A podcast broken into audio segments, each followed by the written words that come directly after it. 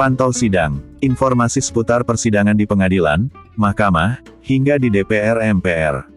Silahkan klik berlangganan agar kami tetap semangat dalam menyajikan podcast ini. Terima kasih.